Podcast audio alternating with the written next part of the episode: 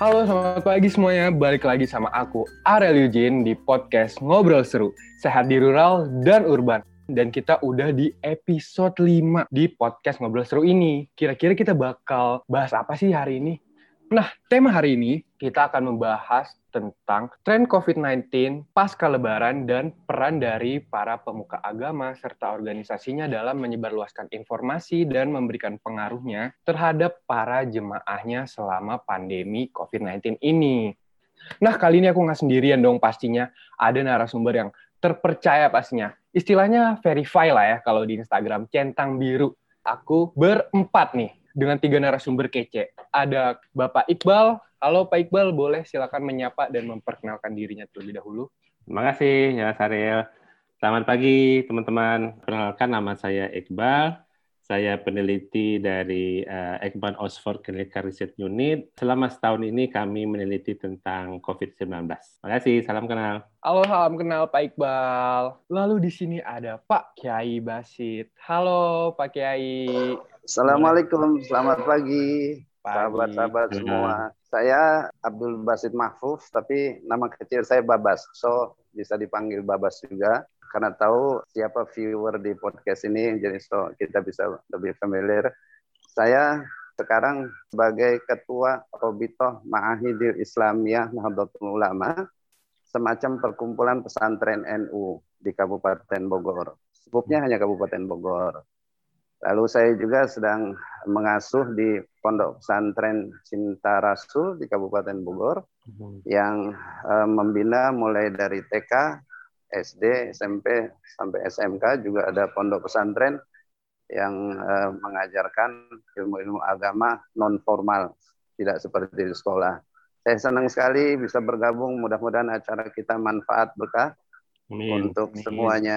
Terima kasih. Oke, terima kasih Pak Kiai. Lalu ada Kak Tasya di sini. Kak Tasya, silakan dong perkenalkan dirinya. Halo Kak Rel, thank you. Uh, halo semuanya, aku Tasya. Uh, aku biasa dipanggilnya Caca ya, kayak permain Caca okay. gitu. aku uh, melayani sebagai Social Impact Coordinator di GBI Basilea Christ Cathedral Gading Serpong. Nah, di Social Impact Department kita ini kita berfokus bukan cuma untuk membantu para jemaat atau orang-orang yang di dalam gereja, tapi kita juga uh, raise awareness on global social justice issues seperti racism, human rights yang terjadi di seluruh dunia. Kayak waktu itu uh, terakhir kita pernah ngebahas tentang refugees juga. Mungkin itu kali ya introduction singkatnya dari aku. Thank you. Oke, terima kasih Kak Tasya. Well, gimana Sobat Sehat? Keren banget nggak sih narasumber kita pada pagi hari ini? Nah, oke, kita langsung masuk aja ke pertanyaan pertama teruntuk Bapak Iqbal. Kita di sini diskusinya santai aja lah ya. Oke, oke. Baik, baik, baik. Sobat Sehat ya. Oke, Sobat Sehat. Bener banget. Pak Iqbal, gimana sih tren COVID-19 pasca lebaran kan nih ada berita-berita bahwa pemudik banyak yang positif COVID-19 nih. Nah, menurut Bapak Iqbal sendiri, apakah jumlah orang-orang yang positif itu sudah akurat dan mempresentasikan angka yang sebenarnya? Silahkan, Pak Iqbal. Nah, makasih Mas. Ya, jadi uh, karakter dari penularan virus ini ya itu biasanya kita lihat sekitar 1 sampai 2 minggu setelah exposure atau terpapar dengan orang yang terinfeksi ya. Jadi itu kita, kalau kita melihat ini kan baru berapa sekitar uh, dua minggu yang lalu ya, yang uh, Lebaran, mudik dan segala macam. Menurut saya dari data yang yang kita lihat sekarang itu kasusnya mungkin kita akan melihat kenaikannya di bulan-bulan uh, Juni ya, di pertengahan Juni, di awal dan pertengahan Juni. Karena karena memang rantai penularan itu kan Eh, terjadinya pertama dari orang yang berpindah, kemudian dekat dengan keluarga, ya, dan kemudian juga kita harus tahu juga bahwa penularan ini tidak serta merta terjadi. Dan tidak mesti juga orang yang positif itu bisa langsung menginfeksi orang lain karena tergantung juga seberapa banyak virus yang dikandung oleh orang tersebut. Jadi kalau kita ngelihat polanya sekarang itu di Indonesia itu eh, kasusnya mulai menaik, ya. Baru mulai menaik daripada kita lagi daki-daki gunung nih ya, yang di bukit gitu ya.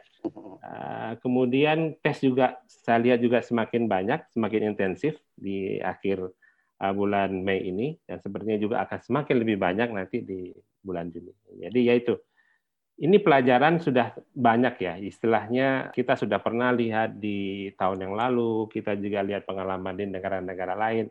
So, tidak ada alasan, tidak ada kemungkinan lain bahwa kita akan melihat kenaikan kasus di bulan Juni. Ini secara resepnya, resepnya untuk terjadi penularan itu sudah lengkap nih semuanya nih. Nah, tinggal tinggal kita ngelihat nih pola pola pola kenaikannya akan akan terjadi dalam satu dua bulan ke depan. Berarti uh, kira-kira kita harus melihat satu sampai dua minggu setelah para ya. pemudik ini pulang lah ya Betul. istilahnya. Iya. Jadi angkanya kira-kira belum pasti banget nih ya Pak. Ya saat ini kita baru melihat sinyalnya. Hmm. kita akan melihat lerengnya atau mungkin puncaknya itu di satu dua bulan ke depan. Nah, melihat uh, kata Pak Iqbal juga kemungkinan besar angkanya akan naik nih. Nah, kalau menurut Pak Kiai Babas dan Kak Tasya nih, seberapa besar sih pengaruh dari pemuka atau pemimpin agama kepada jemaatnya untuk mengatasi hal ini seperti untuk terus mengikuti protokol kesehatan dan sebagainya. Mungkin boleh dari Pak Kiai Babas dulu. Baik, saya kira saya ingin sedikit menjelaskan dulu tentang pemuka agama dalam uh, konteks Islam. Pemuka agama itu dalam bahasa uh, kami adalah disebut sebagai ulama. Al ulama warasatul ambia bahwa ulama itu adalah pewaris nabi. Dan siapakah para ulama ini yang di dalam Al-Qur'an ditegaskan sangat berat ya? Al ulama mayakhshallahu min ibadihil ulama adalah hamba-hamba Tuhan Allah yang paling takut kepadanya. Nah, kemudian ulama ini tugasnya apa sih sebetulnya? Wa ma arsalnaka illa rahmatan lil alamin seperti dipelajari dari nabinya Nabi Muhammad bahwa tidak semata-mata Rasul itu diciptakan untuk memberi rahmat bagi seluruh alam. Nah, ketika kita mengambil kaidah-kaidah seperti ini, berarti bahwa ulama atau pemuka masyarakat adalah pewaris Nabi, yang pertama. Tugasnya juga adalah menyebarkan rahmat bagi semesta alam di semua zaman, di semua tempat. Dan salah satunya yang sedang kita nikmati dalam tanda petik bersama-sama ini adalah pandemi COVID-19. Mau tidak mau kita sedang berada dalam satu situasi yang seperti ini dan pesantren adalah satu komunitas yang sangat terdampak. Kenapa? Karena memang kalau dari apa yang disebut sebagai pandemi dan uh, ciri-cirinya serta apa yang dapat dilakukan di pesantren ini justru sangat sulit karena kami sangat komunal bersama-sama dalam satu kamar lebih dari lima orang bahkan di satu pesantren di Jawa Timur ada satu kamar itu isinya lebih dari 50 orang. Jadi praktis hanya untuk menyimpan pakaian dan mereka bisa tidur di mana pun di teras atau di masjid atau di mana pun. Nah, ini tentu membutuhkan apa yang disebut sebagai tadi peran serta pemimpinnya atau dalam hal ini kiai yang ada di pesantrennya, ustadznya, dan ini tidak ada kata selain bagi kami para santri itu terhadap para guru adalah sami'na wa ato'na. Apa yang disampaikan oleh kiai kami itu harus kami ikuti. Nah, pada posisi yang seperti sekarang, beruntunglah kita menghadapi pandemi ini di Indonesia. Ada dalam seia sekata antara umaro, pemerintah, dan ulama. Tidak ada perbedaan sedikit pun di dalam penanganan pandemi. Masalah yang kemudian muncul sebenarnya adalah apakah itu bisa diaplikasikan di semua tempat sesuai dengan situasi dan kondisinya masing-masing.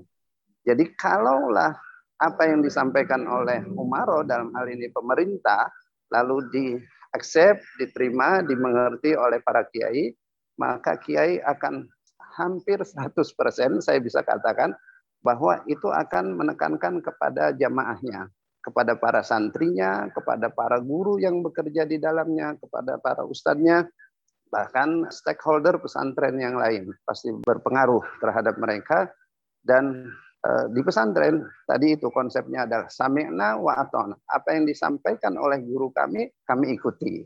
Hmm. Mungkin itu. Oke, baik. Jadi istilahnya karena Bapak Kiai ini sebagai pemimpin mereka, jadi secara tidak langsung mereka harus mengikuti apa yang diperkatakan Pak Kiai juga lah ya. Betul. Nah, kalau dari Kak Tasya sendiri gimana nih? Aku sangat berpegang sama ada sebuah pepatah yang dari seorang bernama John Maxwell yang berkata, leadership is influence, nothing more, nothing less, and that we have to lead by example.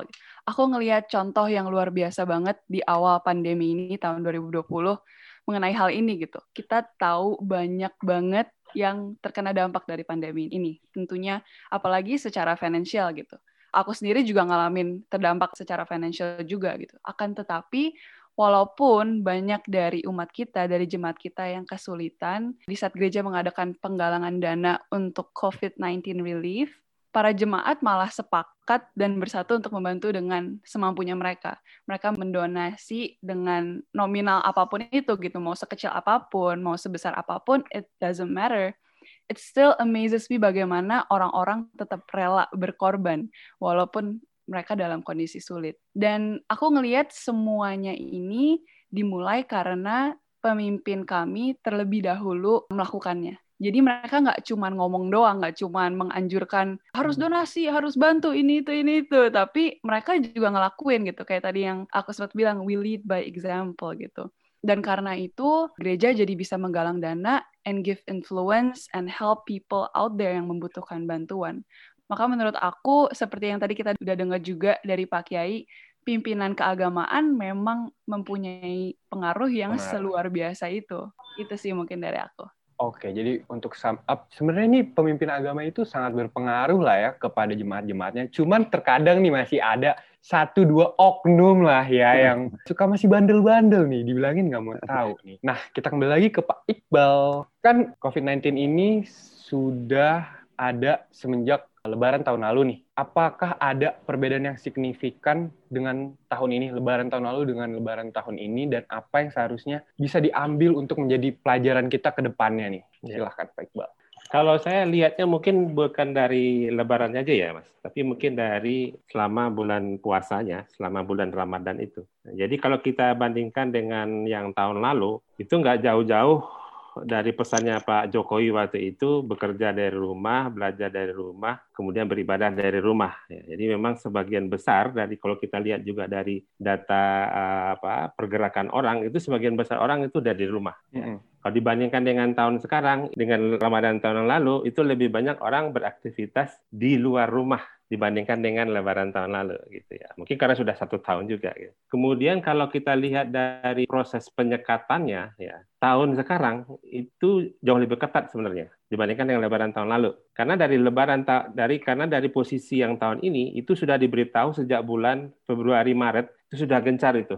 sudah gencar informasi kan ada pelarangan mudik dan lain sebagainya. Berbeda dengan tahun yang sebelumnya di mana pelarangan mudik itu hanya diberitakan sekitar dua minggu sebelum sebelum Lebaran, sehingga orang waktu itu masih berupaya untuk untuk keluar. Nah, kalau kita lihat dari sisi epidemiologinya, di Lebaran tahun lalu itu basisnya, artinya jumlah orang yang terinfeksi saat itu itu jauh lebih sedikit dibandingkan dengan, dengan tahun yang sekarang. Kenapa? Karena kita waktu itu lagi mendaki puncaknya, kita masih berada di lerengnya, di lereng tanjakannya gitu ya. Jadi sebenarnya jumlah orang yang terinfeksi di tahun sekarang itu jauh lebih besar dibandingkan dengan tahun lalu. Nah, artinya saya khawatirnya potensi ledakannya bisa jadi akan lebih besar juga di tahun ini. Ya. Jadi saya tidak terlalu melihat bahwa Lebaran tahun ini itu lebih buruk dibandingkan bukan saya tidak bilang Lebaran ya, tapi pergerakan orang selama uh, bulan puasa selama uh, selama Lebaran ini lebih buruk dibandingkan dengan tahun lalu karena risiko yang kita hadapi dampaknya ke kita ya kurang lebih sama gitu.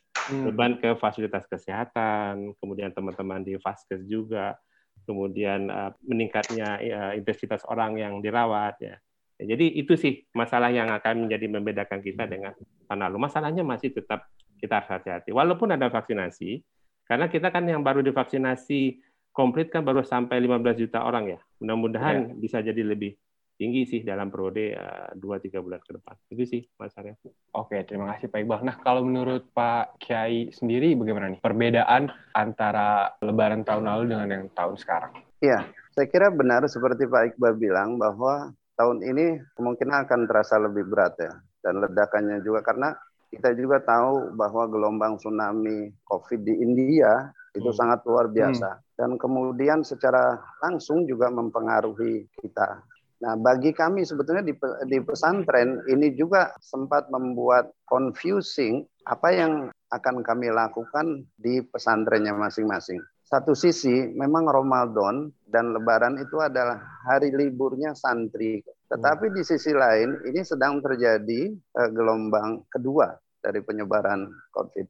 Maka yang kemudian dilakukan oleh para pemimpin agama, para kiai di pesantren itu adalah pertama meningkatkan kepedulian terhadap prokes yang ada atau kalau kita tadinya mengenal 3M kemudian menjadi 5M, kalau bahasa saya malah ditambah 3 lagi, 3M lagi. Apa tuh Pak Kiai? Ah, makan yang banyak, hmm. main, artinya berolahraga. Oh.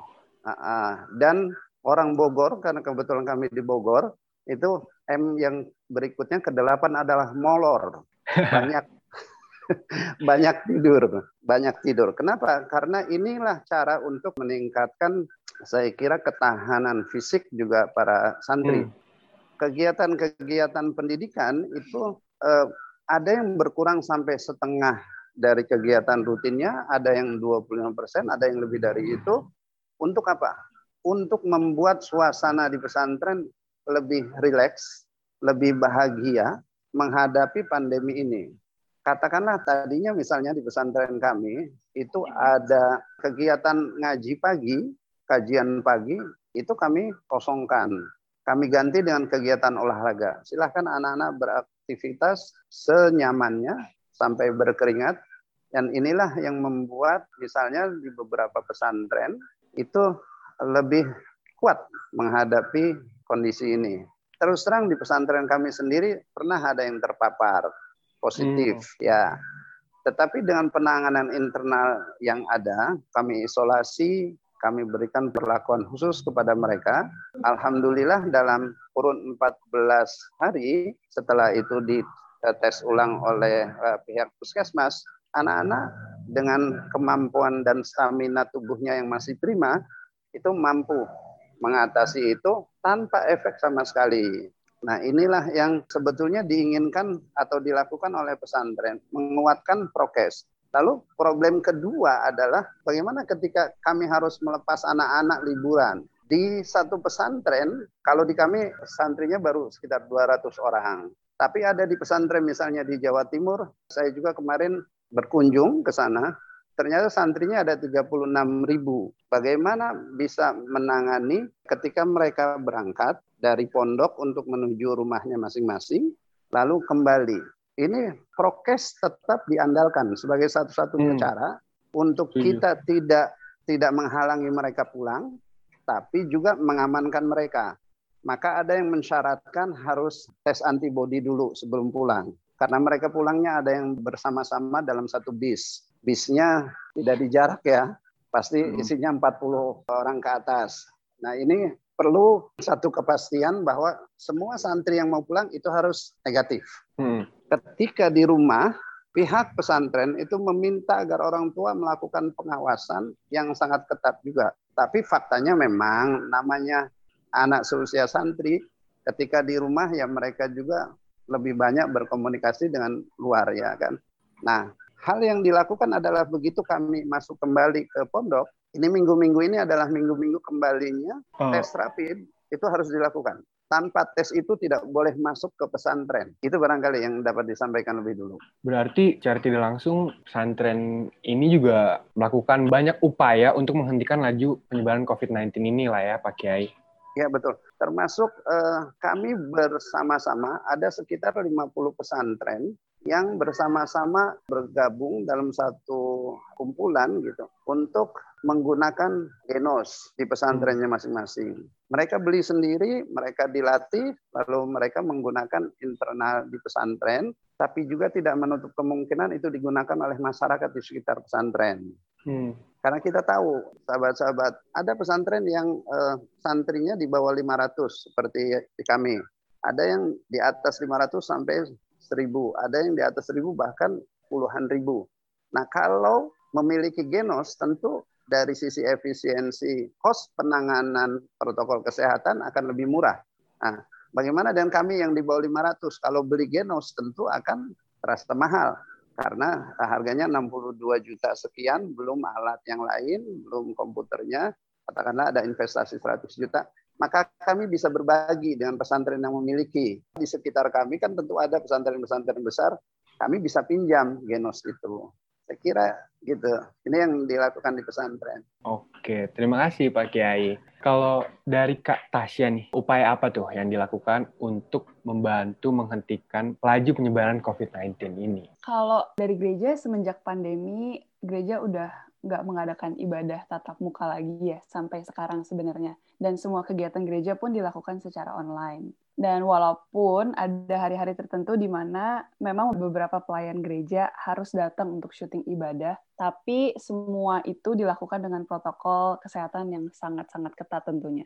Mulai dari swab antigen rutin dua kali seminggu, terus ada gugus tugas yang selalu hadir untuk supervise, masker, social distancing, dan juga hand sanitizer yang tersedia tentunya di mana-mana. Dan para pelayan yang datang pun juga sangat dibatasi sih. Jadi harus ada jadwalnya kalau mereka mau datang hmm. ke gereja. Dan juga agar orang-orang yang nanti nonton ibadah online ini tahu istilahnya kita tetap melakukan protokol kesehatan ini saat ditayangkan di YouTube atau di mana pun itu, gereja menuliskan bahwa semua ini dilakukan dengan protokol kesehatan yang ketat agar jemaat atau siapa pun itu yang nonton mereka aware gitu kalau gereja pun tetap mematuhi aturan dan nggak lalai akan pandemi COVID-19 ini. Tapi ini juga nggak dilakukan cuma di GBI Keras Katedral doang, tapi Sinode GBI atau Gereja Battle Indonesia juga menghimbau agar semua gereja yang di bawah Sinode GBI ini melakukan protokol kesehatan yang ketat tersebut. Jadi